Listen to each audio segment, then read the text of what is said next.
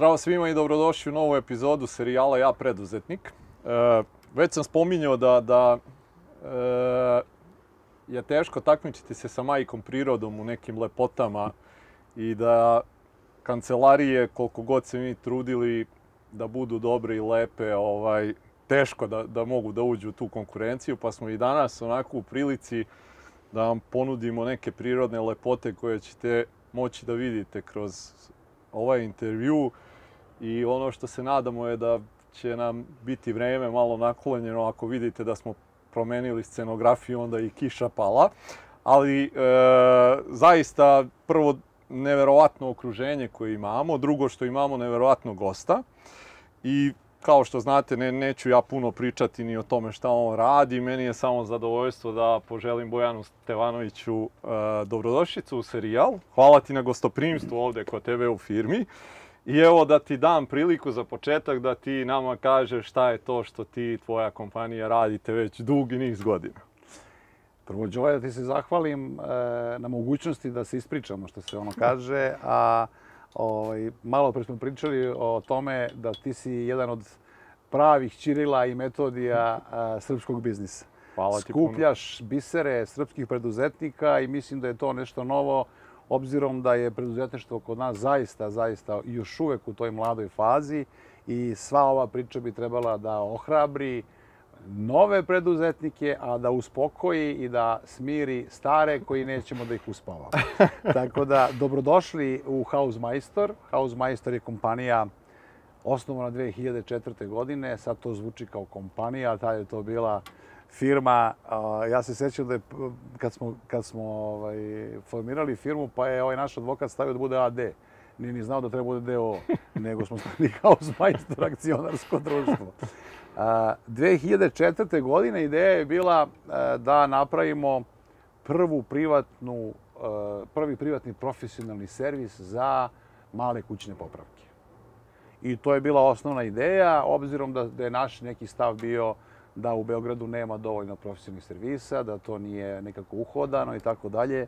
Tada recimo niko nije naplaćivao na radni sat mhm. posao kako se radilo. Mi smo bili tu pioniri i ovaj, a, sećam se da kad smo došli prvi put da naplaćujemo na sat, da su nam ove mušterije rekle pa kako mogu da ostane pola sata, mogu da ostane 45 minuta i tako dalje, mogu je duže. Dok nismo to, ovaj, što se kaže, ovaj, standardizovali, jer je tada, u tadašnje vreme bilo kad zovnete majstora, on uđe unutra i pogleda kakav vam je stan, ako je skuplje, skuplja vam je i cena, jel? Mhm, znači nije mhm. bilo standarda. A, I to je bilo 2004. godine. Imali smo mi već iskustvo nekom preduzetništvu i tako dalje. Znači, Srkjan Ićivić, moj veliki drug, s kojim se ja znam već 50 godina, on je tada radio u Coca-Coli, izlazio iz Coca-Cole, bio generalni direktor Coca-Cole, a ja sam tada u to vreme radio u investicijnom fondu. I onda smo, ovaj, on izlazio i otvorio firmu, kaže, ajde da, da krenemo da radimo male start-upove. Ja pričam sada o nečemu što mi pojma nismo imali. Znači, ideja je bila da mi ideje izbacujemo, da ih formiramo i da nastavimo da radimo. I ta firma se zvala Common Sense. Ili zdrav razum ili kako bi rekli dva slova od nonsense kako to jeste kako to kako to u životu jeste i prvi projekat koji smo pravili je bio Hausmeister i to je bila ideja da napravimo znači profesionalni gradski servis koji će da se bavi koji će da ima široku lepezu proizvoda do tada to nije postojalo postojale su razne radnje, firme i tako dalje, niste mogli dobijete ozbiljan račun. I to se poklopilo sa vremenom fiskalizacije usluga, ono vreme kad je počelo, znači, mm -hmm. prvi fiskalni računi. To isto bilo veliki broj anegdota i tako dalje. -hmm. To je bila prva probitna ideja i e, ja sam se dogovorio, odnosno Srki kaže, hoćeš ti da vodiš Hausmeister? Ja kažem, ajde, ja ću da razvijam Hausmeister. Imali smo kompaniju, znači Hausmeister, Budi svoj čovjek se zvala, bio boss. I imali smo uh, Asistel, asister je bio asistencija starim licima i tako dalje. Jedan inkubator koji je bio u jednom stanu na Dorčelu i mi smo odatle krenuli da pokušamo da nešto ostvarimo, što se ono kaže. A ti prvi početci, naravno da mi nismo ni znali koliko ne znamo o proizvodu.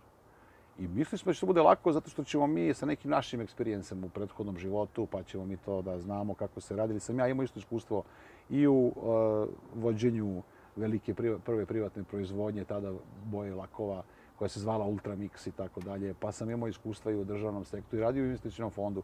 Srđan je već, na primjer, imao iskustva i u Filip Morris i tako dalje.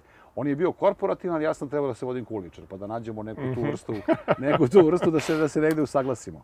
E, ja sam sećam da smo mi mislili da je to ništa lakše, nego skupiti majstori, pitati ih kako vi to radite, šta radite, da je taj proizvod definisan, to nikakav problem nije. Onda smo shvatili da to veze nema sa životom. Znači, mi smo počeli da zovemo te majstore, to ima svako svoje neko privatno iskustvo. Imali ste ono, majstor nikad ne laže, samo odlaže. Znači, neorganizovano, totalno.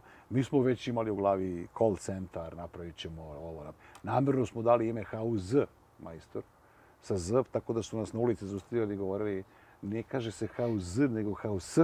A ideja je bila da, ostane ta nemačka, nemačka reč i vratili smo tu staru priču ovde. Tada ni sanjali nismo da ćemo da se bavimo održavanjem korporacija, velikih objekata, property facility management, nismo ni znali šta to znači uopšte. I onda smo krenuli. Prva naša ideja je bila da uzmemo majstore. I videli smo da to nema smisla uopšte. Niti su hteli da rade za nas. Bilo im interesantno da dođu pa da počnu nešto da radi i tako dalje. I onda smo uzeli prvu tu generaciju klinaca da ih treniramo i testiramo, da od njih napravimo И тоа смо радили, тоа исто е една добра анекдота, изнајмили смо музеј 25. мај кој Јосипа Броза Тита, mm покојног. И јас сам отишол да му се упишем таму, оно, и кажам, ајде ти си био бравар, помози ово, сад отварамо и тако, да тоа било смешно. А сви клинци кои су долазили на разговор, сви су отишли на бази на 25 мај, пошто никој појма не имао де е музеј 25 мај. Наравно да ми тоа нисмо радили фигуративно затоа што сме ми баје, па него нисмо имали простор, излетео нам празен простор да им угревиме неки две климе и да нам они дају просторију да правиме тестирање. I najvažnije nam je bilo da vidimo kako će da bude odnos prema klijentima, što bi rekli šumadinci, customer service, jel? Mm -hmm. I kako će se rukuju, kako, da li su ruke. I onda smo krenuli da pravimo tu prvu generaciju majstora. Ideja je bila ne smeš da kasniš, ne smeš da dođeš mnogo rano. Znači, oni su bili kao oni Ghostbustersi, znači nosili su na ramenima one usisivače, čuda. Znači, to su bila, bukvalno su se ljudi okretali po gradu šta se dešava kad smo krenuli to da radimo, ideja je bila da će recimo jedan majstor moći da napravi, na primjer, pet intervencija dnevno. Nekih banalnih, nismo mislili da će da budu neke pojma, nismo imali da je to nemoguće i da je to jako teško i sa ovim saobraćajem, sa ovim znanjem i tako dalje i tako dalje. Ali onda je to polako krenulo da se dešava. Onda su ljudi počeli da nas prepoznaju. Onda smo mi u tom nekom marketinškom smislu i tom nekom, sad ispada negativnom iskustvu, preterali malo sa tim divnim momcima i svima, pa su počeli da nam zvone telefoni na koje nismo mogli uopšte, ne možemo da odgovorimo na te priče. Aha. Pa smo onda shvatili da nam treba magazin, pa da nam treba roba i tako dalje. Tako. To je već sad neka istorija. Dok nismo došli do prvog ugovora koji se zvao ugovor o tehničkom održavanju. Znači, de facto da imate neki objekat, da nemate trčite svaki dan non stop, što ja kažem u šali, mi se bavimo tuđom nesrećom, rešavamo tuđe probleme. Mm -hmm. To je, ovaj, ne, ne donosimo plezir, što bi rekli, to je, entertainment su mnogo mhm. lakši poslovi. I onda smo, kad smo počeli da dobijemo, onda je krenulo, onda smo počeli da dobijemo te prve ugovore, onda smo počeli da otkrivamo šta se to dešava. Jer je cela ova struka nova, relativno. Property management je 70. godina krenuli iz Amerike, veliki objekti, gde se prvi put počeli da se gledaju objekti kao finansijske e, institucije posebnog e, kalibra, znači upotrebna vrednost. Počeli su dolazi developeri u Srbiju i tako dalje i to se potvaralo. Sećam se prvog ugovora s bankom, ja nisam nikad ni bio u banci, a ne, a ne da, da imam ugovor s bankom, gde oni kao imaju ugovor o tehničkom održavanju i sad kao imamo preventivne preglede po celoj Srbiji filijale, ljudi, banka. To je bilo vreme postavljanja tih privatnih banaka. Možda mislite, ko vam je radio u banci da je već bio važan na Slavi, a kamoli, a kamoli da, da, da nešto drugo znate. I ja se sećam da su nam, nisu ni oni znali, to je sreće. Oni sećam se da su nam poslali tender koji je bio skopiran, na primjer, iz Češke. Od jednu milion strana s nekim detaljima, osiguranjima, da smo mi nismo uopšte znali šta traže. I polako, polako uđemo u tu priču i onda smo krenuli, polako dobili prvi ugovor sa jednom bankom i onda je krenulo sve da se razmotava u tome. Mm -hmm. To je prilike. Da, ovaj, negde razlog zašto i želim ovaj, da se vraćam ono na neke početke, pošto danas eh, Hausmeister ima 170 zaposlenih i radi na nekoliko tržišta i sve te neke stvari koje deluju ljudima daleko.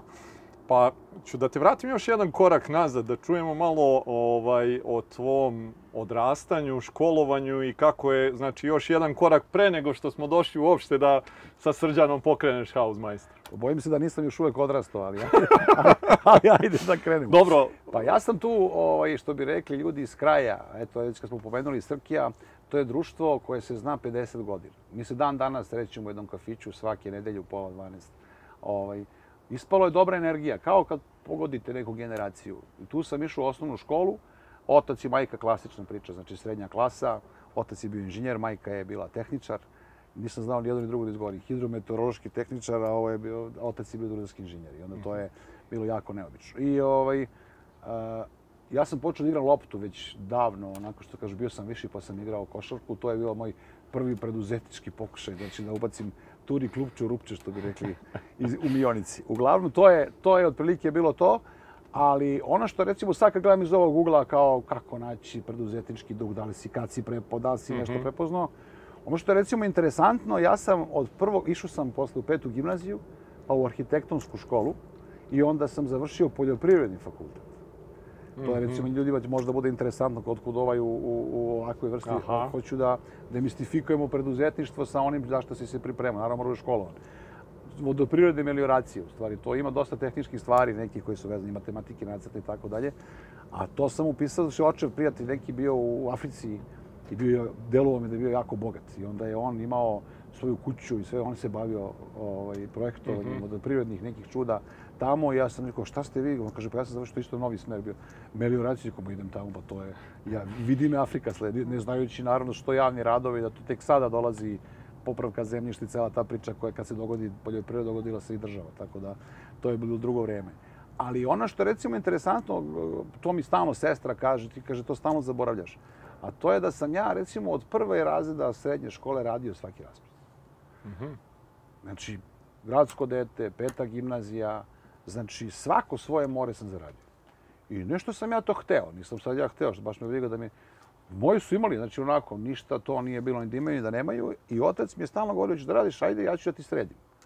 I onda imamo pošli kod Đoleb, tako da ovo. To su bile te socijalističke firme i vi tamo radite, mnogo ste dobro plaćeni, najteži, najgluplje poslove, znači fizički rad, utovar, istovar, pojma nemam.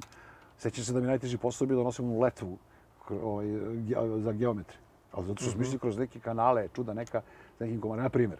I onda vi dobijete te pare i e, radite neki uput, kao kad idete kod lekara. Ali u to vreme su ovaj, to bili dobro plaćeni, uslovno rečeno, poslovi. Međutim, morate sačekate te pare, ne možete dobijete odmah. Tako da se ne sjećam da sam išao u julu na more, nego uvek u avgustu. Ja sad vi gradite taj juli, pa čekate, pa pred kraj avgusta. Tako da sam, od kad znam za sebe radio, bukvalno se to i na studijama, tako da već sam tada znao recimo kako funkcionišu neke fabrike, gde sam radio, kako, znači, kako ljudi dolaze na posao. Ja se sjećam da sam razmišljao, rekao, nećeš valjda doživjeti da ideš, recimo, radili smo u Navipu jedne godine da dođeš tamo iz onog autobusa i da ti oni, oni probuši, tad su bile preteče ovih Aha. kartica, rupu na tiketu i da ideš tamo da zvoni ona, ona fabrika i da se vratiš. Otprilike je to tako bilo. A onda posle studija sam se zaposlio u PKB-u i to je bilo, pošto sam bio dobar student, stvarno, ovaj, to je bilo najbolje poljoprivredno dobro u staroj Jugoslaviji. Prva brazda, Tito, Dobanovci. Tu se recimo čekao stan jedno 4-5 godina. Tad je sam bio pojam. I to kod Hotel Jugoslavije, u Zemun, naravno, to sad ja pričam. Ja sam diplomirao 90. možete misliti kako je to izgledalo. Znači, doživeo sam, ne znam, ono, 15 maraka i tako dalje.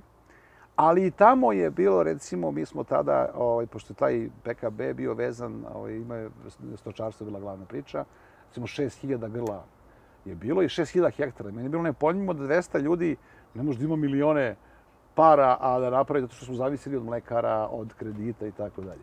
I sećam se da sam tada, tad je bila hit, kao što su jedno vreme bili puževi, ne znamo, kalifornijska glista. I ja kažem, ajde, kao inženjer, to ima veze. Rekao, mi imamo, i imamo tamo to đubrivo. I ja napravim, to mi je bio prvi brend. Zvao se Humus As za vas. Kakav glup naziv. Ali, ali, ali to se prodavalo u cvećarama. Aha. Znači, mi smo počeli da uzimamo keš tada, kao firma. Znači, u svakoj cvećari humus, sad za vas kutija, ona kao, dođete kući pa stavite u saksiju, otko znam šta ćete raditi.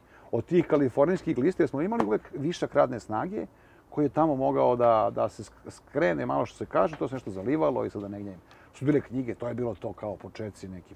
Eto i to se sećam da. I posle nekih godina i po dana, dve, vidim ja da tu nema leba, da ustajem u 4.15, da odem tamo, da je to počelo da propada sve. I sestra je imala jednog prijatelja koji je tad u to vreme bio preduzetnik. To je tad bilo jednako lopov, hošta PDR i tako dalje. Koji je, a što ste ni tačno, naravno, nego hoću da kažem, koji je e, imao firmu koja se zvala Beocolor i Ultramix. To je bila čuvena firma koja se bavila proizvodnjom boje lakova. Prva privatna proizvodnja, to je ono Rada Lambada, bojkot slovenačke robe, prve polu disperzije, mislim, ko je to mislio taj glup na polu disperzija ili je disperzija, nije, ali nema veze, to je ono kao, po sistemu da on diše zid, to je ta, Da, da. diš. I onda smo, ovaj, i ja sam krenuo tamo na razgovor. I sećam se da je otac nije teo da govori sa mnom. Ti ostavljaš jednu ozbiljnu firmu, ti si mladi inženjer, ti si bio stipendista, dežuriš, prolaze razna vremena, ratovi, čuda, ali ja rekao, ja, ja odlazim sa recimo 15 maraka, znam da sam kupio majici bio kafu i Lord, pušio sam Lord, nisam u stvari nego to je bilo, ono, već je bilo ludilo, Da, da. ludo ono vreme. I došao kući i rekao, ja više ne radim. Moja majka stalno to pominje. I rekao, idem u privatno, pa šta Bog da. I sad ja odlazim da se dogovorim sa gazdom. Gazda vozi prvog džipa u Beogradu, Pajero, ono, Belko. Pritom uopšte nije kako ljudi zamišljaju u to vreme gazdu, da je to neki, on vrlo, znači niti je čovek koji je bio u kriminalu, ništa vredan, ni Zoran Zlatanović, evo da ga pomenemo. I Zoki mene zove na razgovor. Njemu kuća na Vračaru, ja dolazim na- u kuću, penjem se gore, mi imamo stan, sve prostočno živimo, znači klinac, diplomirao i ja dolazim kod njega, a na stolu mu stoji ovolika ona tegla providna, velika neka, sa onim čokoladama od lešnika. Rekao, vidi ovaj koliko para ima. Znači, to je bilo, one, u stvari, kuglice, one što što kupujete u svako štarku, svako. Da, da. To, to je bilo nepojljivo, dakle. A u on priča, ja jedem, ja manđam one bombone. I on kaže, dobro da se dogovorimo oko plate. Znači, ja vas vraćam, to je pre Avramović. Da, Neki da, poslaš. da. I kaže, Bojane, ti bi bio, ti bi bio tehnički direktor, da ja vodim tu proizvodnju, znam, tako dalje. Ja kažem, dobro, super, divno. Kaže, koliko bi ti platu rekao? Ja kažem, pa ja moram da razmislim, pa da nemam pojma ništa što da kažem. Kaže, dobro, ajde sutra da se dogovorimo oko plate. Ja sam već obišao fabriku, fabrika ozbiljna, da je sad Beograd na vodi. To je bilo da su ona dva velika plava silosa koja se vide, znači, pored željenog futbolskog terena. Taj deo tu, baš bukvalno. I ja dolazim kući, nemam koga da pitam za platu. Znači, zove moje, moje indijance, niko pojma nema, niti je ko taksista, pa da znam nešto. O, Jan kaže, ma vidi bre, ma kaži mu 100 maraka bre, koga bre, pitaš, šta on?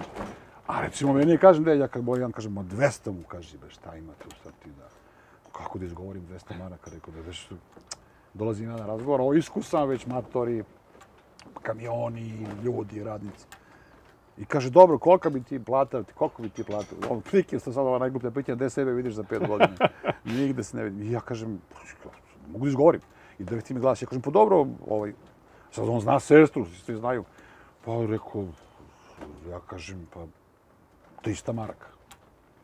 A on kaže, 300 maraka? Ja kažem, pa dobro, mislim, sad ovako, onako. On kaže, dobro za početak. Je dogovoreno? Ja kažem, dogovoreno. Rekao, šta je ovo? Ja izračunam 20 plata, znači ne moram da radim dve godine u onom PKB-u. Ja dođem kući, šta si rekao, rekao 300, ovi kažu svi, ma ispalit ćete, to su lopovi, sve vrti privatnici. Da. To nikom, nikom ne plaća. Ja dolazim, završava se prva plata, pritom ništa ne znam, idem po onoj fabrici, gledam tek šta će biti, kako će. I on meni daje platu, konvertu, sve to bilo crno, belo, Da, da, da. primljeni na minimalac i daje mi 500 maraka. Ja vama ne mogu da vistim. Ja dolazim kući, kupujem majici. Ćao, neće govorio. Privatnici, I dalje, a? su privatnici, ti ko zna gde si ušao, kakvih 500 maraka, ti umjesto da si se školovao. I drži, ne daj, po, kupuju poklone, gluposti i tako dalje. I tu sam krenuo da učim bukvalno u najluđe vreme početaka, još u proizvodnji. Znači, mi smo tada pravili lakove za parket. To je sada kako bi pravio raketu. Mi smo tada pravili, ajde, ove sve disperzije, poludisperzije, fasadne materijale i tako dalje. I krenuli da pravimo i stočnu hranu. Znači, pošto je to za Ultamix, pošto su slični mešači bili 32 kW motori, znači kad mi upalimo one motore, niko skuva kafu na željezničkoj stanici, znači to je bilo ludilo. Ludilo, kamion. I tad sam recimo vodio već jedno 150-200 ljudi. Ja se sjećam da me zvao drug da ga zaposlim. Znači, tamo su bili radili goranci, fizička radna snaga i tako dalje. Ja kažem, vidi, nema problema, on, a on filolog. Ajde, rekao, da upadaš pa da no... I sad on kaže, ma daj šta daš. A recimo, oni su bili plaćeni 100, 150 mara, znači plate, mogli smo hirurga da. I on dođe i sad, sećam se, zvonim u telefon, imali smo neki stavljeni telefon. Kaže, evo, zaposlio me Boki, misli na mene, javlja se tako. Kaže, šta radiš? Pa kao prevodioc. Kaže, stvarno te zaposlio? Kaže, prevodim džakove s palete na kamion. e, ja rekao, daj bre, čuti, vidiš da smo se snašli i tako dalje. E, najavio sam negde da će se možda u jednom trenutku desiti promjena scenografije. Evo sad je Bojan rekao, nada se da treći snimak neće biti na snegu, ali ovaj, e, kiša nas je prekinula, ali znamo gde smo stali pa ćemo da guramo dalje sa našim razgovorom. E, spomenuo si dakle trenutak kad si u toj firmi, kad Jest. eto i da si zaposlio svog kolegu kao prevodioca, Jest, jel jest. tako? Pa da nastavimo dalje sa Pa, pričom. To, to je bilo vreme ili ste se spasli, pobegli od rata, ili ste otišli u inostranstvo, ili to je bila neka mini oaza, znači privatna proizvodnja u kojoj su pristojne plate bile, ali se radilo od danas do sutra. Mi smo tada, recimo, držali nekih, odnosno snabdevali robom preko hiljadu farbara. Znači, cele Srbije i tako. Tad se nije zidalo, nego se zidalo kuće i tako. Znači, nije bilo ove gradnje, naravno. Onda smo, ne znam, ali smo preuzeli industriju koju je radila najviše Slovenija, Jupol i tako dalje i tako dalje. Pa smo uleteli u taj interregnum i uspeli da tu napravimo tržište.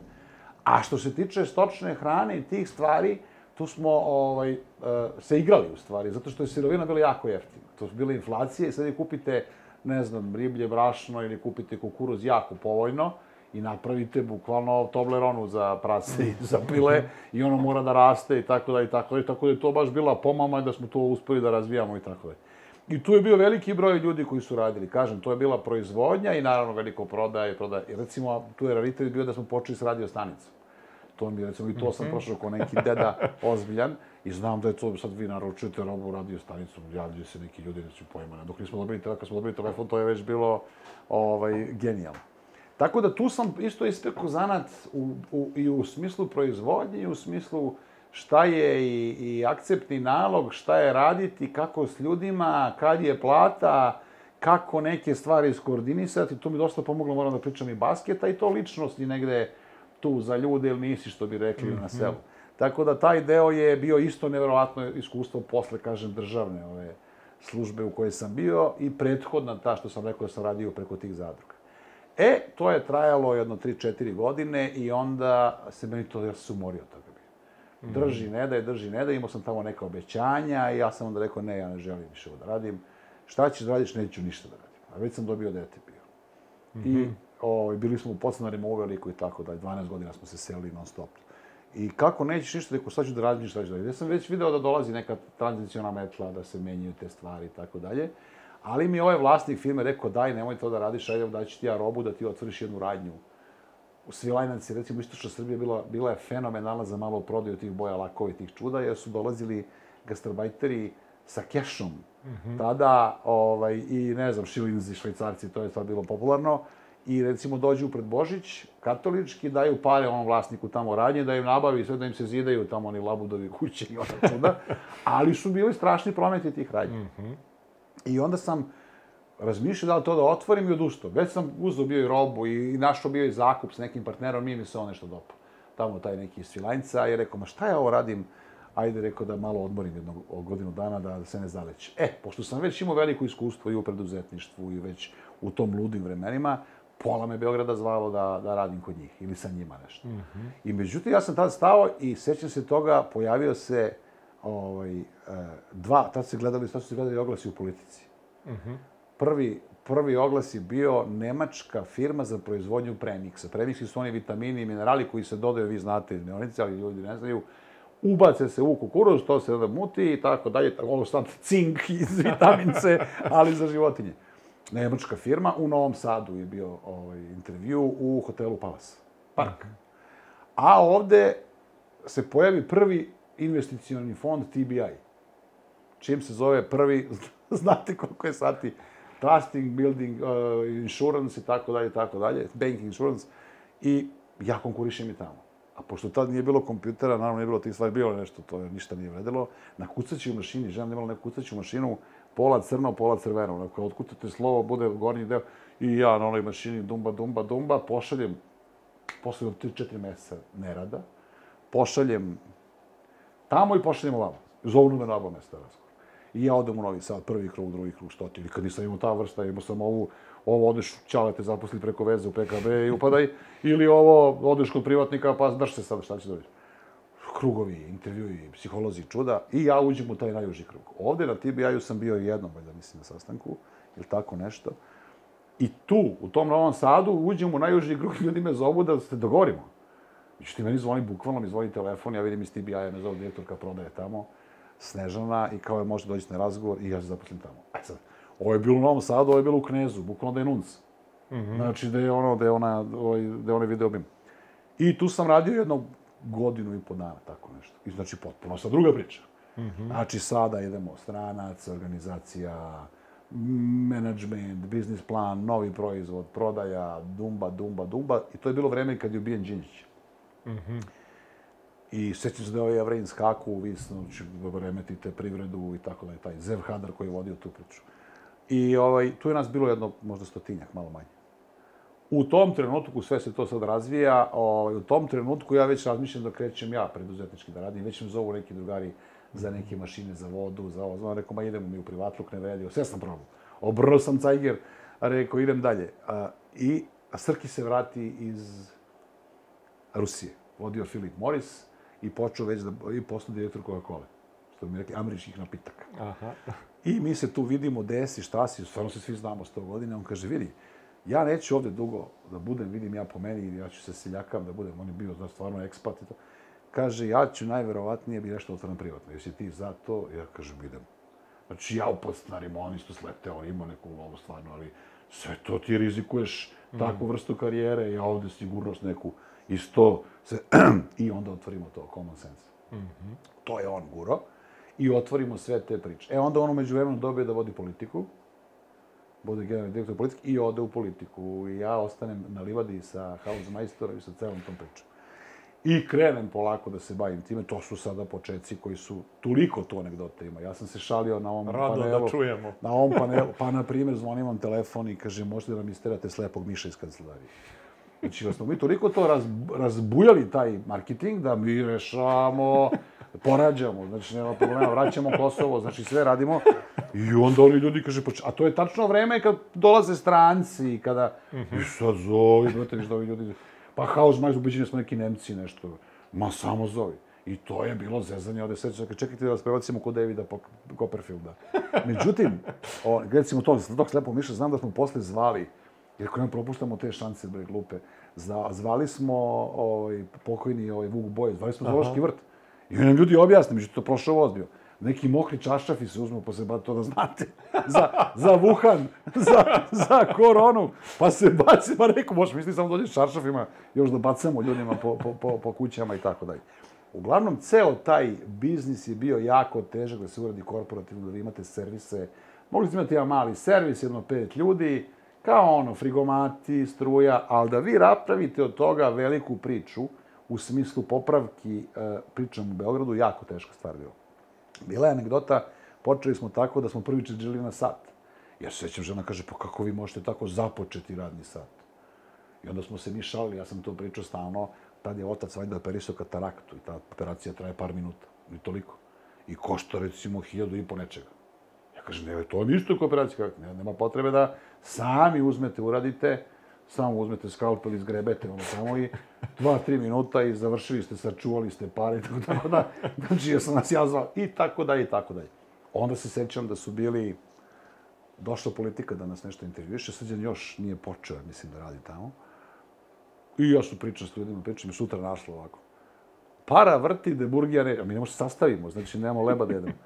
Para vrti de burgija neće, haus, majstor, klijenti, Koštunica, Peđa Stojaković, ne znam ko je bio treći. Ja za glavu ovako rekao, jao majko moja, šta, ja zovem politiku, zovem tog urednika, kažem, molim vas da ste normalni, šta ste mi pričali to ovako, oni nas jesu ljudi zvali, zato smo mi postali sad malo brend, pa sigurno zovu neke tu koji su na Dorče, on kaže, gospodin Stevanović, zlatnim dukatima da, pa, da platite ovu reklamu, non stop na zvoni telefoni, Nisam znao da zovu babe, da sam znao ne, povuko bi ja taj natpis u nek tamo. Jer to sve žene ove koje čitaju politiku, pa, pa, mhm. molim vas, sad ćemo... Op, vidi pa kad mogu koštonica i peđe. I sad kreće ta priča da buja i kreće ludilo. Drži po ovom stanu, drži po ovom stanu, reklamacije, trči, daj, daj. Znači, to je nenormalna organizacija. To je toliko živo, a imate pritisak privatnog klijenta, što smo mi zvali nije fizičko, nego muzičko lice.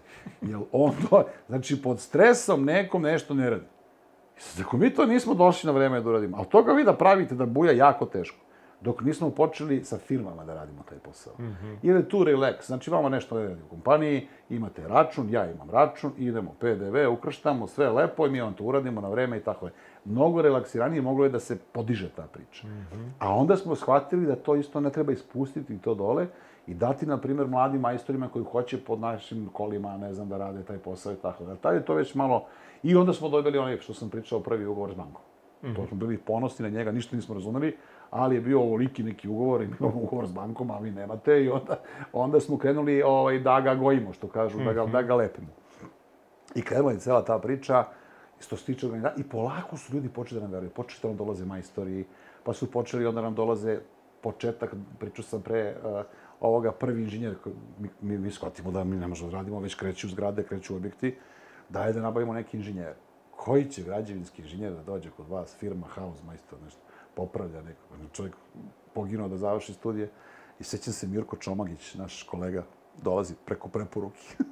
I mi pričamo, prvi intervju imamo, i on kaže, on dolazi čovjek, dečko iz Katara, radi za energoprojekt i tako dalje. Kaže, a mogu da vas pitam, a, koliko koliko dugo vi meni možda garantujete platu?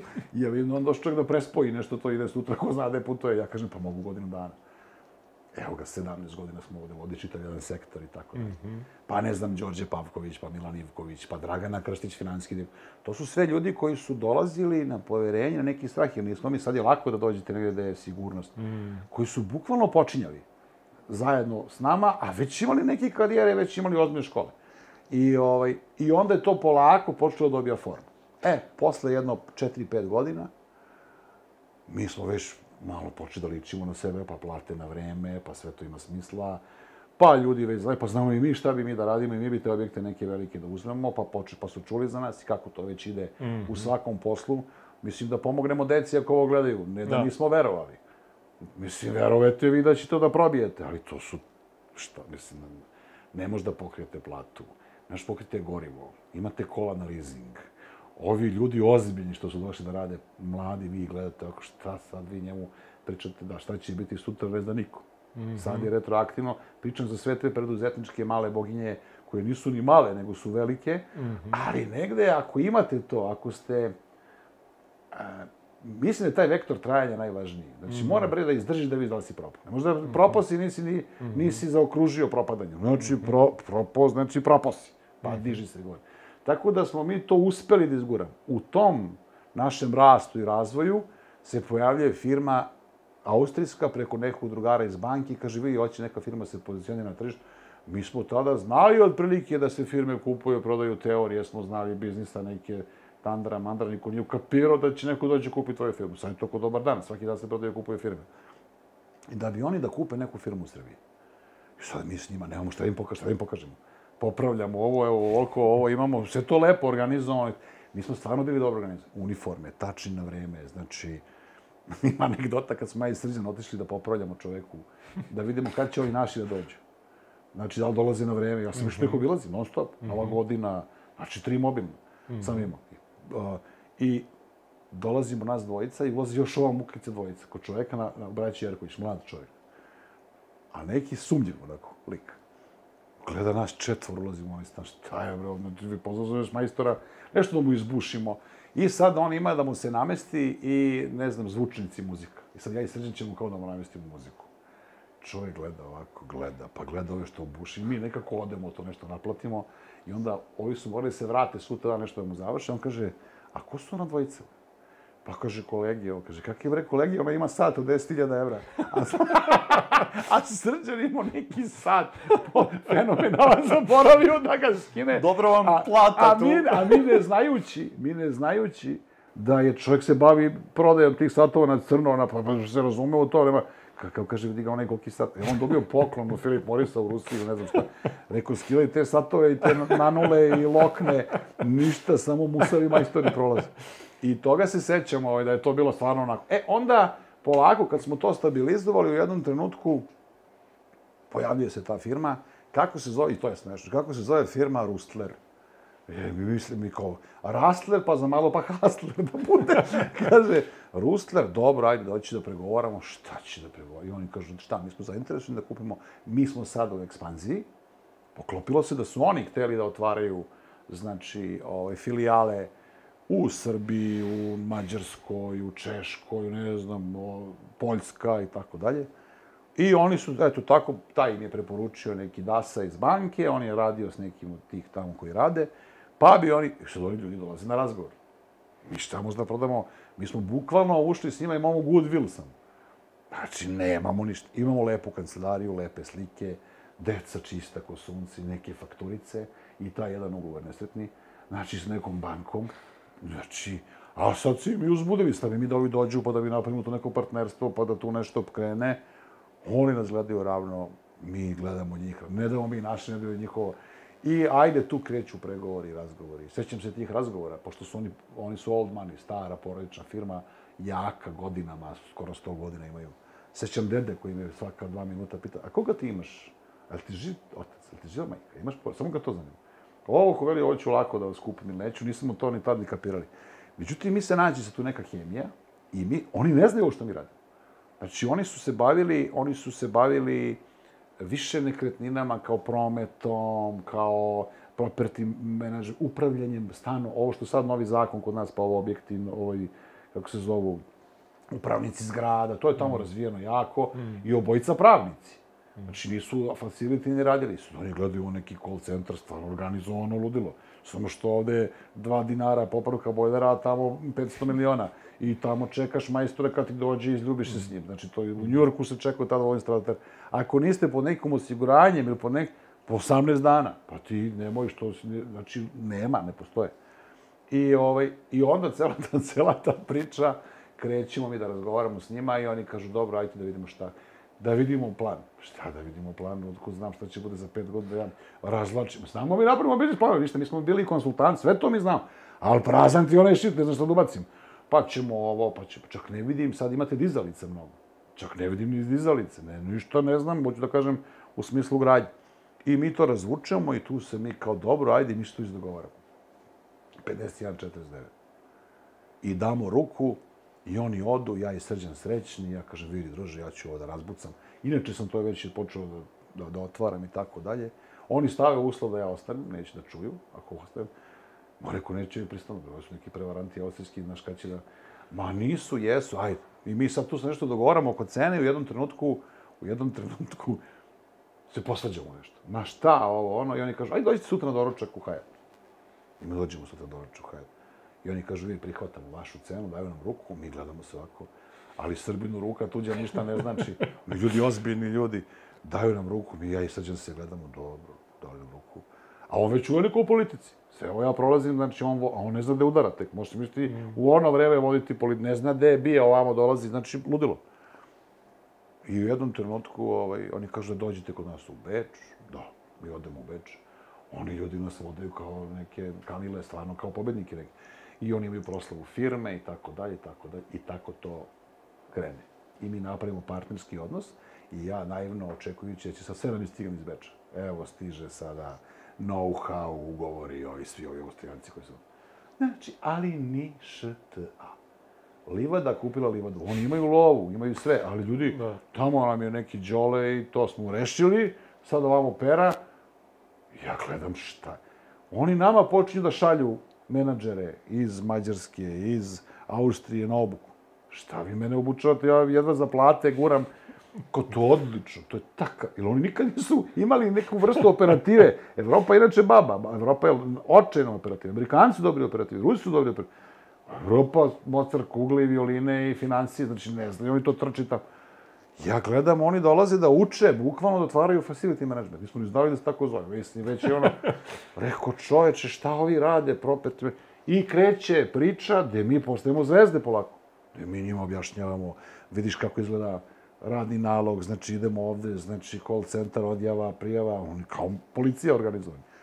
I polako oni kreću i kako već ide biznis, kako već ide to i Rustler i Hausmeister, ja krećem da otvaram bukvalno počinju da dolaze dizalice, počinje se pravi GTC, ne znam, mm. ovaj centar, onaj centar, nije ni važno.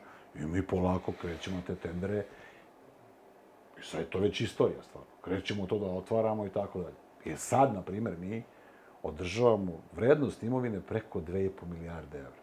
Mm -hmm. Neko mama da da Znači, juče ste počeli šta cigarom, pričam potpuno otvoreno da bi neko, da bi neko ili ne znam, da li ste 30-40 hiljada zarada do sad podelili. Ili ne znam, milijarde kilometara smo prešli kolim.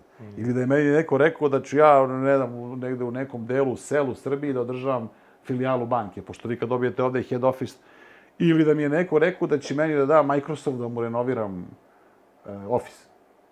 Ili ne znam, Hemofarm, mi sad radimo i to, radimo znači fit aute i ili ne znam da mi je neko rekao da ćemo mi da održavamo, ja sam se pojavio prvi shopping mall, mi ovako svi ono del, da mi održavamo shopping mallove. Znači, najveći broj shopping mall. Da opet to Austrijancima šaljemo. Oni imaju neki nesretni shopping mall u Ukrajini, uh, ali ono, rade to, pa kao imaju know-how. Ja ne znam koliko održavamo tih. Ili da mi neko kaže da ćemo da imamo, ne znam, 20 i sad koliko imamo 20, juče mi kažu 3-4 inženjera. Znači da vi doživite da mlad čovjek hoće da dođe kod vas. Ali inženjer. Mi smo, posle nekih već pet godina sam ja otišao na mašinski fakultet, da pokušamo da napravimo master za ovo. Jer ovo se ne zove bez veze facility management, mi volimo zalepimo to management, property management. Jer vi kao neki inženjer, recimo mašinac u to vreme, šta ja mogu da radim? Učenik se uvali u neki zmaj ili IKL ili da podmazuje nešto tamo, znači to je bilo jako, ili da nešto projekt. Vi ovde dobijete da vodite hotel u Las Vegasu, imate veća primanja ko Pixi, imate, imate novac, a celu struku ste u stvari upotrebili. Taj deo menadžmenta je falio kako se upravlja, što mi sad znamo, linijama, zgradama, pošto tender kad ide za neki ovako objekat ide i tehnika, ide i obezbeđenje, ide i čišćenje, ide i upravljanje finansijsko, to je taj property management. Znači, legal advice, accounting, znači vi zidate, neka firma tamo dođe i to vam sve radi, vidite dalje. I kad napravite biznis od toga, vi prodate drugome, i znači dobili ste i kroz zidanje, i kroz biznis model ste dobili pare. Jasno. E, to je kod nas stalo. Sad se ponovo dešavaju akvizicije, jer je ovo bilo sve kako je bilo. Međutim, sad je opet krenulo, sad smo promenili taj zakon o održavanju objekata i tako je. Tako da, ovaj, eto, to je otprilike kako je to posle se razvilo, da ne kažem da recimo ljudi koji su počeli da rade, uveliko, evo recimo Đoletov sin sad upisuje mašinstvo upravo zbog toga. Znači, naš kolega, izvršni direktor, sin koji je prepametan jedan dečko, i koji ne, ne zna, o- lomio se između medicine mašinstva, sve sam rekao, i da on kaže, ipak ću ja ovo. Ja nisam znao sinu da objasnim kad je bio klinac šta radimo. Šta radite? On je govorio, tata popravlja velike zgrade. Tu ti je najbolja definicija ikad koju sam čuo. Jer što se ti kao house majstor, to, a opet, s jedne strane su nas anticipirali kao, pa to malo, pa, ma, house majstor domar. Mm. Su vi trebali da objasnite nekom da radite technical due diligence, da radite ovo, da radite ovo, da imate inženje. E sad se to promenilo. I jedino smo mi u Srbiji house majstor. Sve ovo je Rusler. Kupovali su oni, odmah su ih menjali. Ja se još borim kao posljednji mohikanac. A što je najsmešnije, da mi neko rekao da ću obranim nemačku reč, ne bi mu verovao. To je njihova reč, nije moja. Sad ja branim, nećeš majci, pošto smo mi napravili, naše naše Hausmeister, a to vaše Rusler. Tako da sad kao malo radimo rebranding malo da bude i tog crvenog i kaže pa vama više vredi sad ovo ime u Srbiji nego pa su svi. Posle nekih 5-6 godina pokazat ću ti posle vino. Znači, e, mi zaštitimo u to vreme žigove u Crnoj Gori, Makedoniji i valjda Hrvatskoj. Znači, zadnje pare dali. A kad verujete nešto.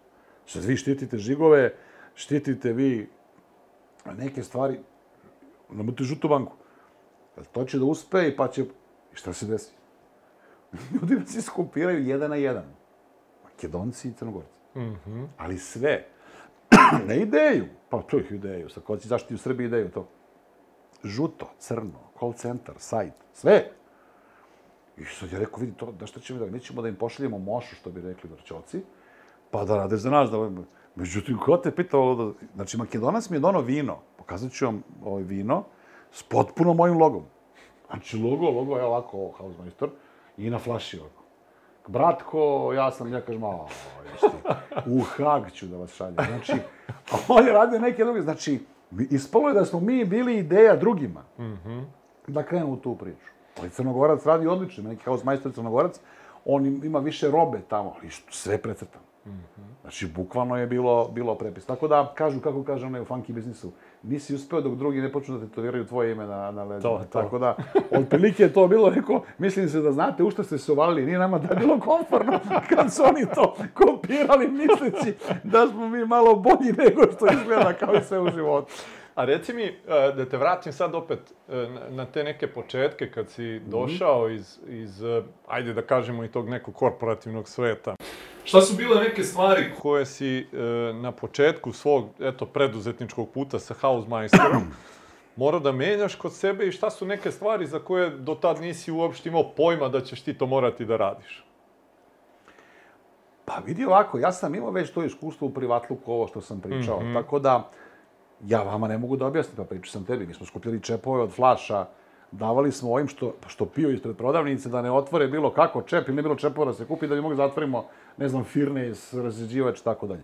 Od toga, pa do, ne znam, e, e, do, do, do toga da rukama istovaraš kukuruz, jer ti se zaglavilo ono, onaj, onaj puž što vuče, mislim, potpuno, pa da vezuješ sam džakove, pa da meriš, tako, znači, to je potpuno drugačiji jedan vid. Međutim, ja sam mislio da je to gotovo, da je to pase, da je to prošlost, ne znajući da je upravo to preduzetništvo. I to zauvek, od kad je veka i sveta. I nemoj neko da, se, da misli da je drugačije. I da ti dođeš iz komfora i da ti srđan koji je imao neverovatno iskustvo korporativno u tom trenutku. Biznis planovi, organizacione šeme, ma sve to u kantu. Pično ti, ti imaš smisao, ali ti nemaš broj, čoveče, ti ne znaš da ubaciš onaj plan, ti nemaš uopšte, de facto ti kreneš sa rokovnikom, da nacrtaš neke stvari i da kažeš ajmo jedno po jedno. I moraš da se dešavaš ceo dan. Znači, bukvalno mi se dešavalo da ne znam gde sam parkirao.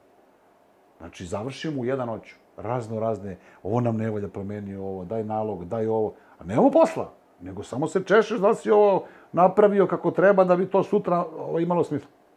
I izađem i gledam, reku, ukrali mi kola. Znači, i onda se vraćamo nazad, kad sam ustao, znači, aha, i bukvalno tako bilo.